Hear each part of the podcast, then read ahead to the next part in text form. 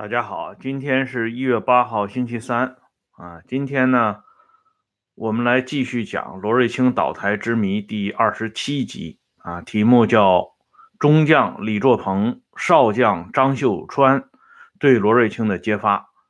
同时呢，今天还要谈一下海军当时他们内部的这场政治风暴的一瞥啊，海军内讧一瞥。今天这个日子很特殊啊，一月八号，我们都知道，这是咱们的恩来同志去世若干年啊，所以呢，如果今天有可能的话啊，我要搞一期党史杂谈，专门来漫谈一下咱们的这个恩来同志啊，如果有时间的话。好了，现在呢，我们来讲今天的主题。今天的主题在开讲之前呢，先有一个小插叙。啊，插叙什么呢？就讲这个叶群呢。昨天我们说到叶群单独向毛泽东汇报，这叶群在汇报工作啊，或者是找上级领导谈工作的时候啊，他有一个毛病啊，这是不只是一个人在回忆啊，这好几个当事人都有回忆。比如说刘少奇的老婆王光美和罗瑞卿的老婆郝志平都有过这方面的回忆，就说什么呢？啊，当时呢，啊。这个叶群啊，要向罗瑞卿单独汇报啊。这时候呢，叶群就提出来了，说我这一个女同志向你汇报工作不方便啊。我把这个林立恒、林立果这姐弟俩呢也叫上了啊，他们两个人在旁边作证。这个呢，其实如果从正常的角度来讲呢，也情有可原啊，因为这个总要有人作证嘛。但问题是，为什么找他的女儿和？儿子来作证，而不是让这个秘书或者相关工作人员来参与，啊，这是一个问题。还有一个呢，就是王光美回忆的，就是在上海会议期间，呃，叶群呢，在这个兴国路招待所又要提出向啊少奇同志汇报，然后呢，王光美就出来了啊，因为一般这个领导同志向刘少奇汇报工作，王光美是不参与的啊。这个时候呢，叶群就。呃，拉着这个王光美参加，他说的，你看啊，我一个女同志不方便啊，你一起来听吧。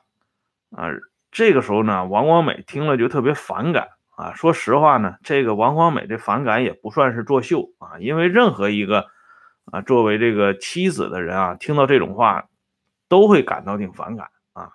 因为叶群这个人啊，事儿真的比较多，再主要的是。总是给人这种暗示啊，我一个女同志不方便，似乎好像别人对她都有比都有其他的这种企图啊，这就让我想起啊，当年那个英达拍摄的那个情景喜剧《我爱我家》，要不我怎么经常说我爱我家要看五遍啊？不看五遍你不了解盐碱地中国呀？这《我爱我家》第一集里边就有这么个例子。啊，扮演这富明老人的文星宇有这么一句台词，啊，这个老局长呢在单位，呃，退休了，然后呢给他安排到妇联那里去，啊，就是把他的办公室挪到妇联那里，结果呢有一个女同志呢控诉这个暴力事件，啊，就说身上被打的青一块紫一块的，然后这女同志呢就说了一句话，说的你看要不是。这个有这些男的在场啊，我就给大家看看我身上的这些伤啊。妇联的人呢说：“嗨，你也不用有什么顾忌啊，副局长也不是外人啊。”这女的一听呢还不高兴了，说：“别说副局长啊，就是副总理我也不能给他看。”这老头子呢听到这里相当恼火啊，回家跟家里人说：“你还不看看他自己长那个鬼样子啊？哪个副总理要看他？”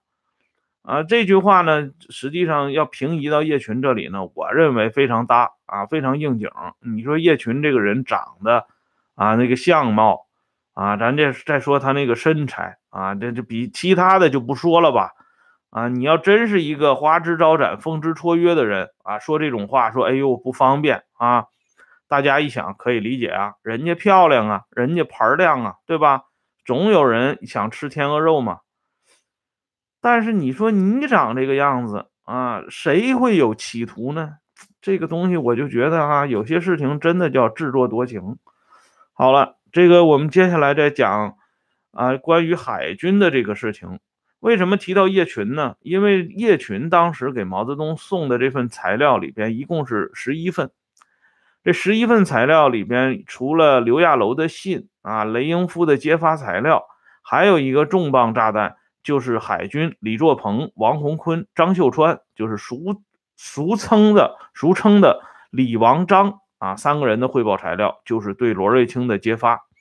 这罗瑞卿怎么又把海军给招惹到了呢？这个事情啊，说来就是话长了。海军的这个材料呢，最早是海军政治部主任张秀川啊，少将张秀川是在十月份啊，九月份就写就了，十月十五号又搞了一个新的，最终形成的这李王章的这个材料呢，是十一月二十七号啊，这是林彪在打倒罗瑞卿之前发发射的最后一发炮弹啊，关于海军的。这段故事呢，说起来真的挺有意思啊！这就是今天为什么要插插这么一段。这海军当时的司令员呢是大将萧劲光，萧劲光是老资格了啊，他跟毛泽东的关系那是相当之深啊，那是追溯到江西苏区啊。萧劲光是毛泽东的四小毛派之首啊，我这个四小毛派跟。大家已经提过多次了啊，萧劲光、李井泉、陈正仁、余则洪啊，这四个人区别于邓毛、谢谷那四大毛派，但但是也说明萧劲光是铁杆萧劲光不光是毛的铁杆萧劲光呢跟林彪跟的也挺紧的。当时萧劲光在东北民主联军是副司令员、副总司令兼参谋长。所以那后来呢，林彪对萧劲光也有过一个很高的评价啊。这个评价呢是李作鹏回忆的，他说林彪呢是讲过这样一番话，他说林彪说的是三条啊。萧劲光呢在中央苏区受王明路线打击迫害。第二呢，在东北解放战争时期，萧劲光是几个副总司令中最好的一个。第三呢。萧劲光对海军创建工作有成绩、有贡献，啊，这是林彪对萧劲光的评价。因此呢，萧劲光这个人呢，在上层啊人缘很好，同时呢，他在几次啊这个政治斗争里边呢表现的也很好。比如说全军反教条主义，特别是庐山会议批判彭德怀和稍后开始的军委扩大会议，这萧劲光表现非常积极。但是萧劲光这个人呢，他在主持海军工作的时候，发生了一件大事儿啊，就是六十年代初，嗯，出现的那个刘承思叛逃事件。这个事情呢，暴露了海军的很多问题，因此上层就是军委，林彪、罗瑞卿他们呢，对海军暴露出来的问题感到必须要抓一抓了，因为海军的事情呢，实际上已经三番五次的。啊，往林彪耳朵里边灌啊，这个事情呢越来越荒唐。因此呢，这个李作鹏作为总参军训部部长，张秀川作为总政组织部副部长的身份呢，参加这个检查团。这里边呢，我跟大家讲一下这个张秀川。张秀川这个人，他是总政治部组织部副部长。啊，这个人呢，在打倒谭政的这个过程中，啊，特别是扳倒总政治部组织部部长刘其仁这件事情上呢，非常卖力气啊，受到林彪的赞许啊。本来呢，这个刘奇仁跟林彪跟的也挺紧的啊，在。反击刘伯承的那个全军反教条主义里边，这个总政治部组织部部长刘奇仁是个红人还跑到林彪那里呢，说三道四。后来他因为跟谭政跟得紧，被林彪看不上了，于是呢，这副部长张秀川啊，就秉承林彪的意思，把这刘奇仁呢，啊，打的是满脑袋是大包啊，就给搞掉了啊。因此呢，林彪点将，让张秀川参加这个检查团。后来呢，这个李作鹏和张秀川就这么啊顺理成章的留在了海军。李作鹏呢担任第一副书记和海军常务副司令，啊，张秀川呢担任海军党委常委和海军政治部主任。这是李王章这三位一体中的李和张的来来源。这个李作鹏到海军来呢，说实话，萧劲光也是欢迎的。萧劲光之前就跟林彪打过招呼啊，说他欢迎李作鹏过来，因为李作鹏跟萧劲光他是熟人呢。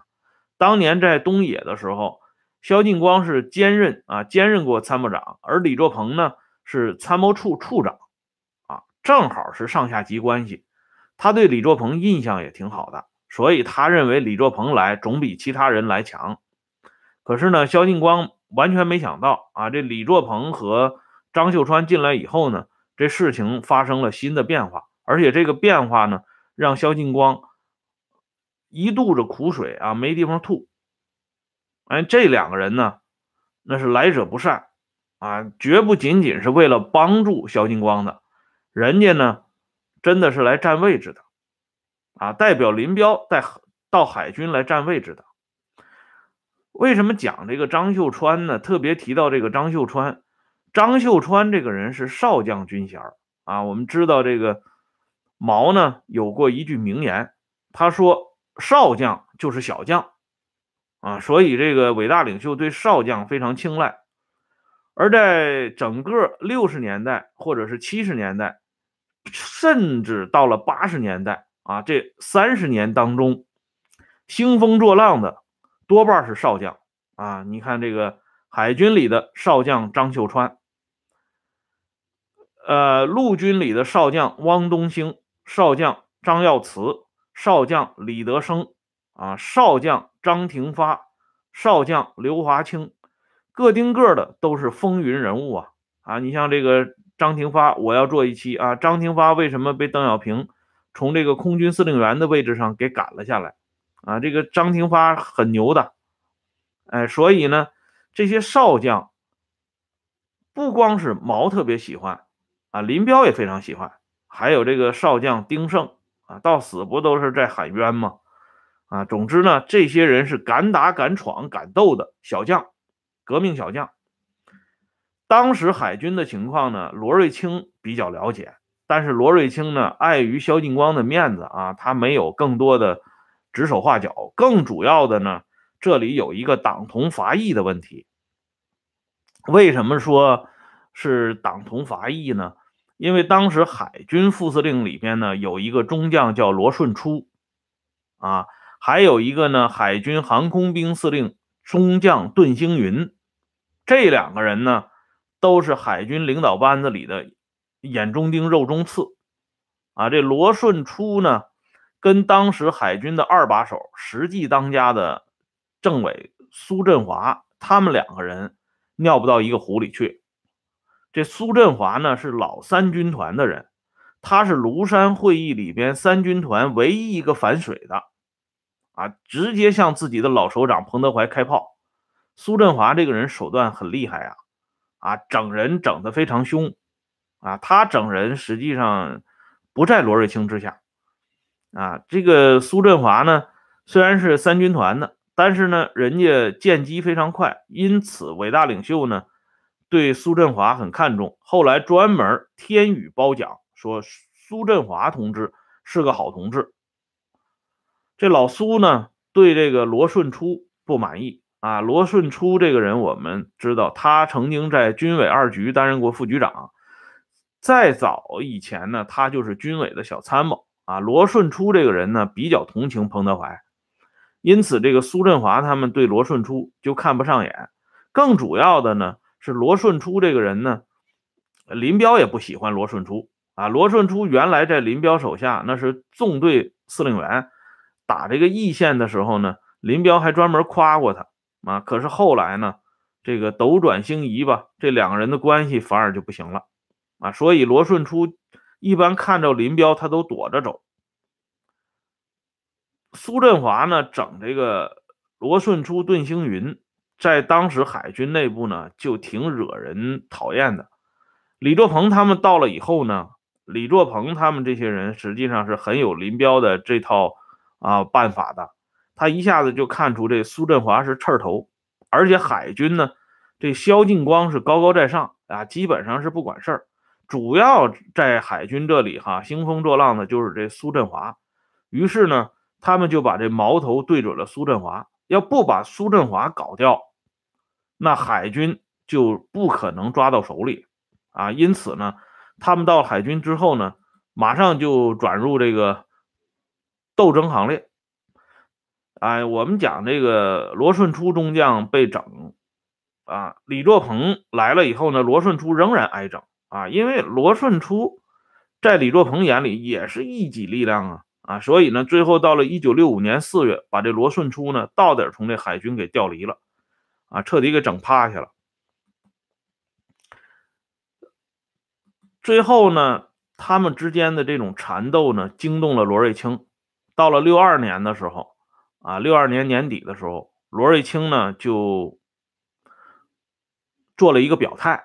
其实罗瑞卿这个表态是秉承林彪的意思啊。十二月十五号，林彪的意思很清楚，就是李作鹏、张秀川名义上还是海军的副手，但实际上是要做海军的当家人的。一文一武，文武相连啊，相得益彰。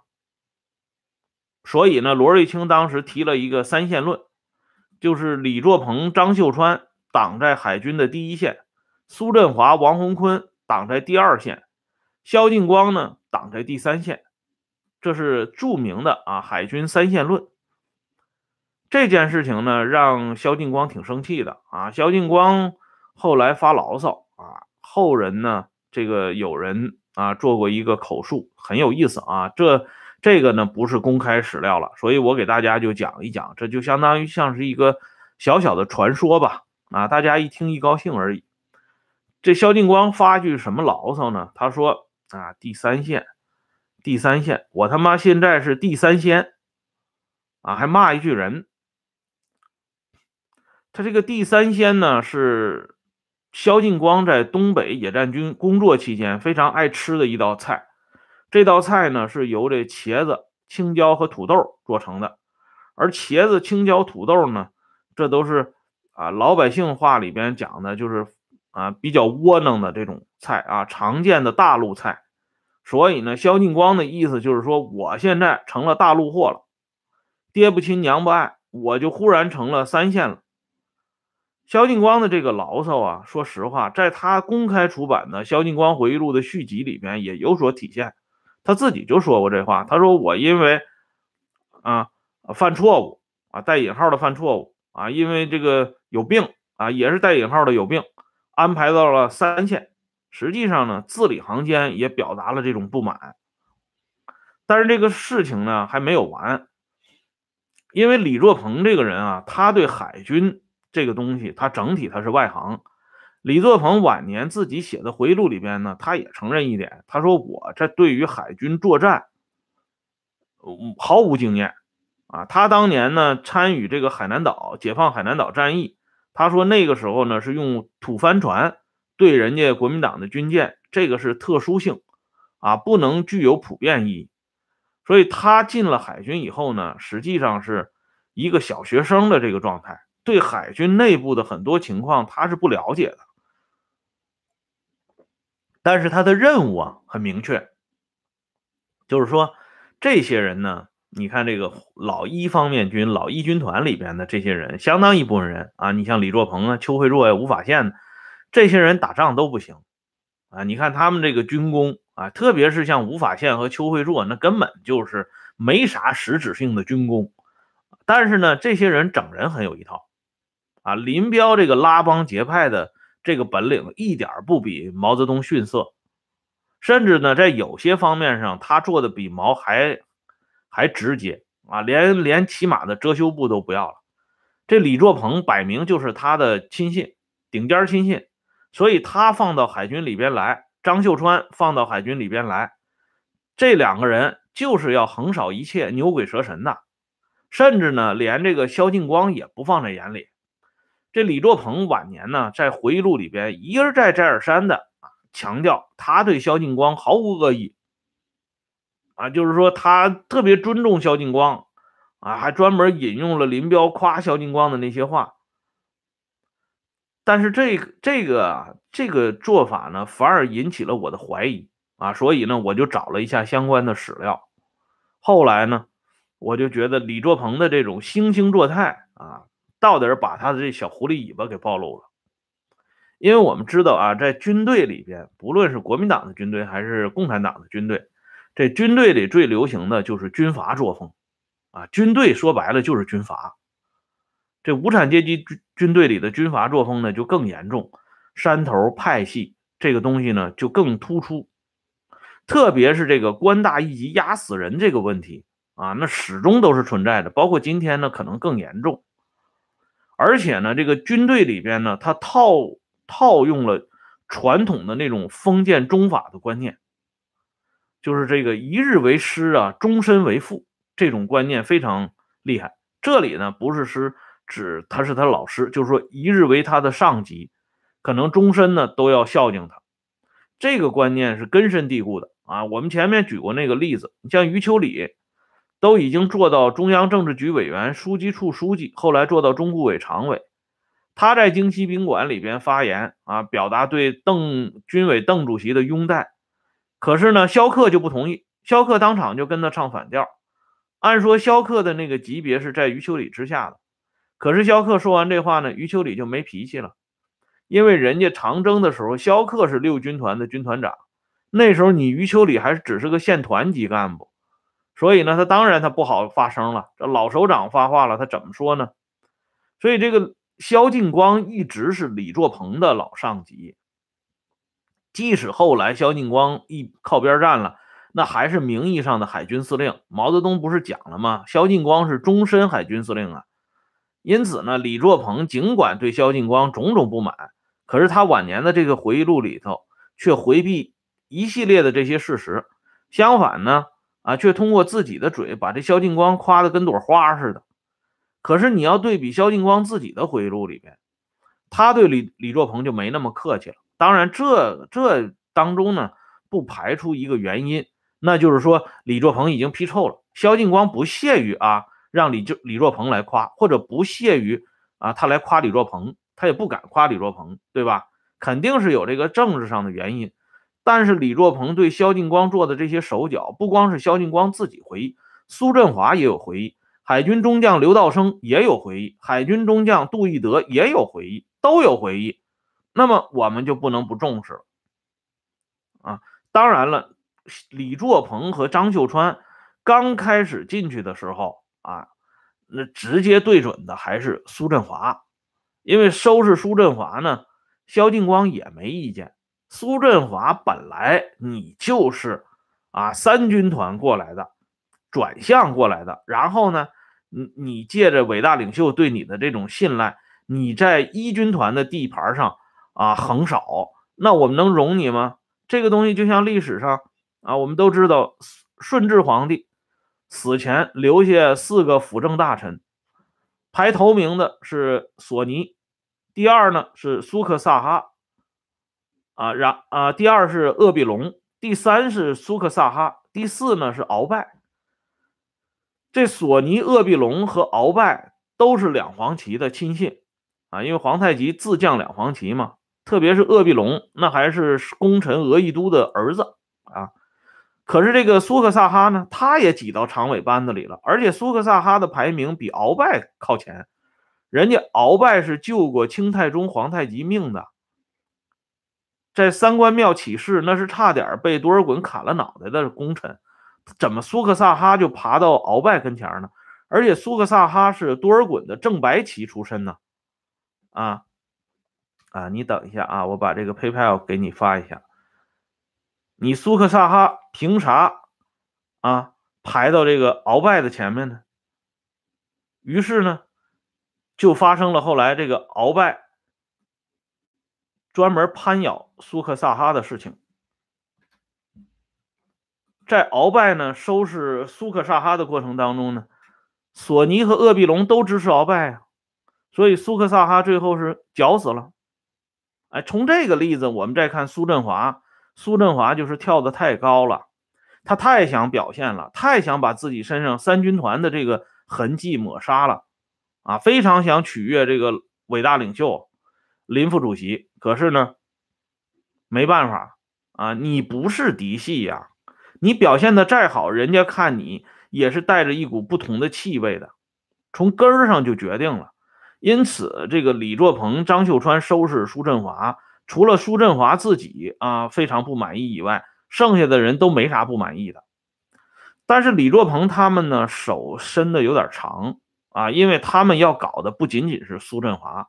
苏振华弄到一边去以后呢，他对其他的这几个副司令员也不客气，比如说陶勇，啊，陶勇是新四军这边来来的，虽然当年也是这个苏区过来的，但是他后边分叉分到这个新四军这茬了，所以李作鹏那个时候呢，他主要的任务是为了推行林彪的这个突出政治，突出政治是个招牌，核心呢就是以这个画线谁。跟着李、张、肘，谁就是啊林副主席这条线上的，谁不跟着走，谁就打入另册。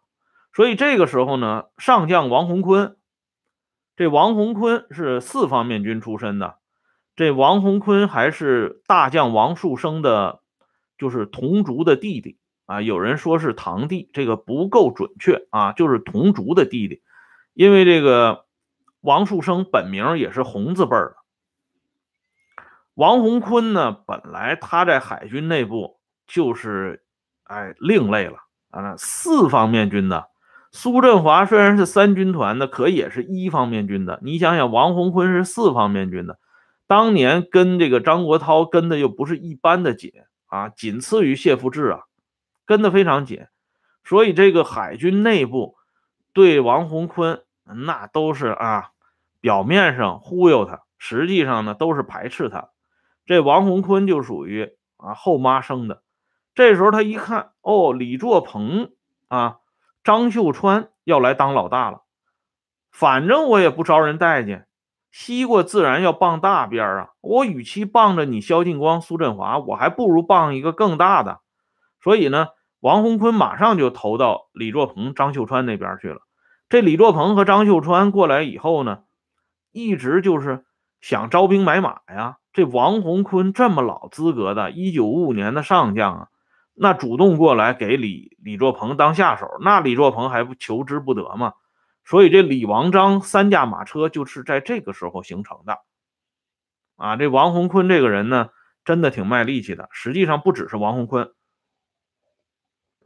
你看看咱们四方面军这几个上将军啊，其实呢都没啥原则的啊，凡是这个啊谁当老大。我就跟谁跑，哎，至于这个究竟怎么干，那无所谓啊，留下什么恶劣的影响，那都基本不在乎。所以四方面军这几个上上将军呢，混的都是风生水起啊。他们当中的佼佼者，我们都知道，许世友上将军、韩先楚上将军啊，这两个上将军在四方面军里边，那都是翘楚啊。一个啊攀上了伟大领袖，一个攀上了陈云同志啊，所以呢，直到晚年啊，那还都是人见人夸呀。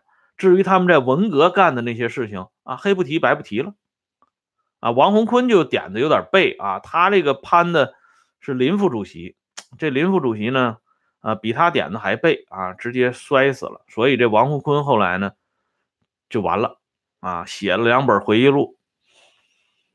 没有，再没有任何啊，对党和人民有新的贡献了。所以这李王章当时呢，以这个政治突出政治划线在海军内部呢，就把这个陶勇给惹怒了啊。当时呢，李作鹏、张秀川推行林彪的那个天天读啊，就是读这个毛毛选，读这个语录，这陶勇就不买账。陶勇呢，当时就发了脾气了。陶勇说这么句话啊，这是苏振华回忆的啊。苏振华回忆是这样，他说：“陶勇啊，说一切要从实际出发，天天读搞得再好，打不下敌机，还不是空的啊。”这个话呢，原始出处呢，在这个苏振华的传记里边，从高山到大海。这陶勇说这话呢，自然就被李卓鹏、张秀川他们听到耳朵里了啊。这就是阶级斗争新动向啊。所以呢，这李作鹏他们借着林彪对大比武冲击政治的这个指示啊，在海军内部大刀阔斧的开始搞了这件事情呢。罗瑞卿是有看法的，所以罗瑞卿那个时候有点顶牛，他提出来政治和军事要并重啊，大比武已经搞到这个呃程度了，那士气可鼓而不可泄，所以罗罗瑞卿当时是抵制的。罗瑞卿这么一抵制呢，那李作鹏就不满意了。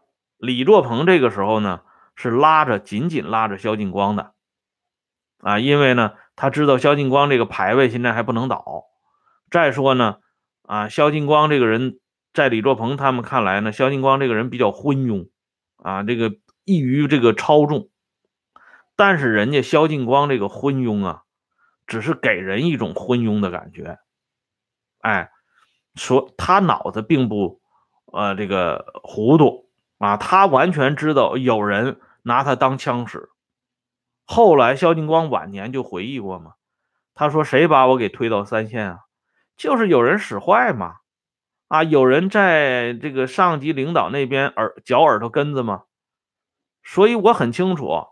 然后肖劲光还说过这样一句话啊，对着在座的这些老老同志，啊，杜义德他们，他就说嘛，说有人你们都知道吧？啊，这大家。”大家都点点头，说知道啊。肖劲光说：“我这个人，我就是也是给自己啊留了这么一点面子啊，让人觉得李作鹏这个人其实还挺够意思的啊。”肖劲光在回忆录里那么骂李作鹏，可是李作鹏在回忆录里却那么夸肖劲光。你看，呃，这个李瞎子其实也不瞎嘛啊。实际上这里边的弯弯绕都是跟这种权力的归属有直接关系的。在他们这代人的心目当中，说实话，什么战友的友情啊。啊，人伦的这个道理啊，这些东西通通是讲不通的。唯一能够讲通的就是选边站队，啊，政治站队，政治站站队是什么东西啊？实质是什么？就是权力嘛。有权就有一切嘛，失去了权力就失去了一切。所以他们整个的这个脑筋都在这个权力的问题上。李作鹏、张秀川啊，不会因为这个萧劲光啊装傻充愣，呃，就放过他，对吧？哎。他们呢，继续在这个海军当中搞事情，但是这么一搞呢，把这罗瑞卿搞得坐不住了。罗瑞卿就有就有意见了。实际上呢，我们现在看啊，这个罗瑞卿对李作鹏的意见到底是什么呢？今天的这个时间啊啊差不多了，咱们明天呢接着把这个话题说完啊。感谢朋友们上来收看。欢迎大家继续关注和订阅《温相说党史》。嗯，我们下次接着聊，再见。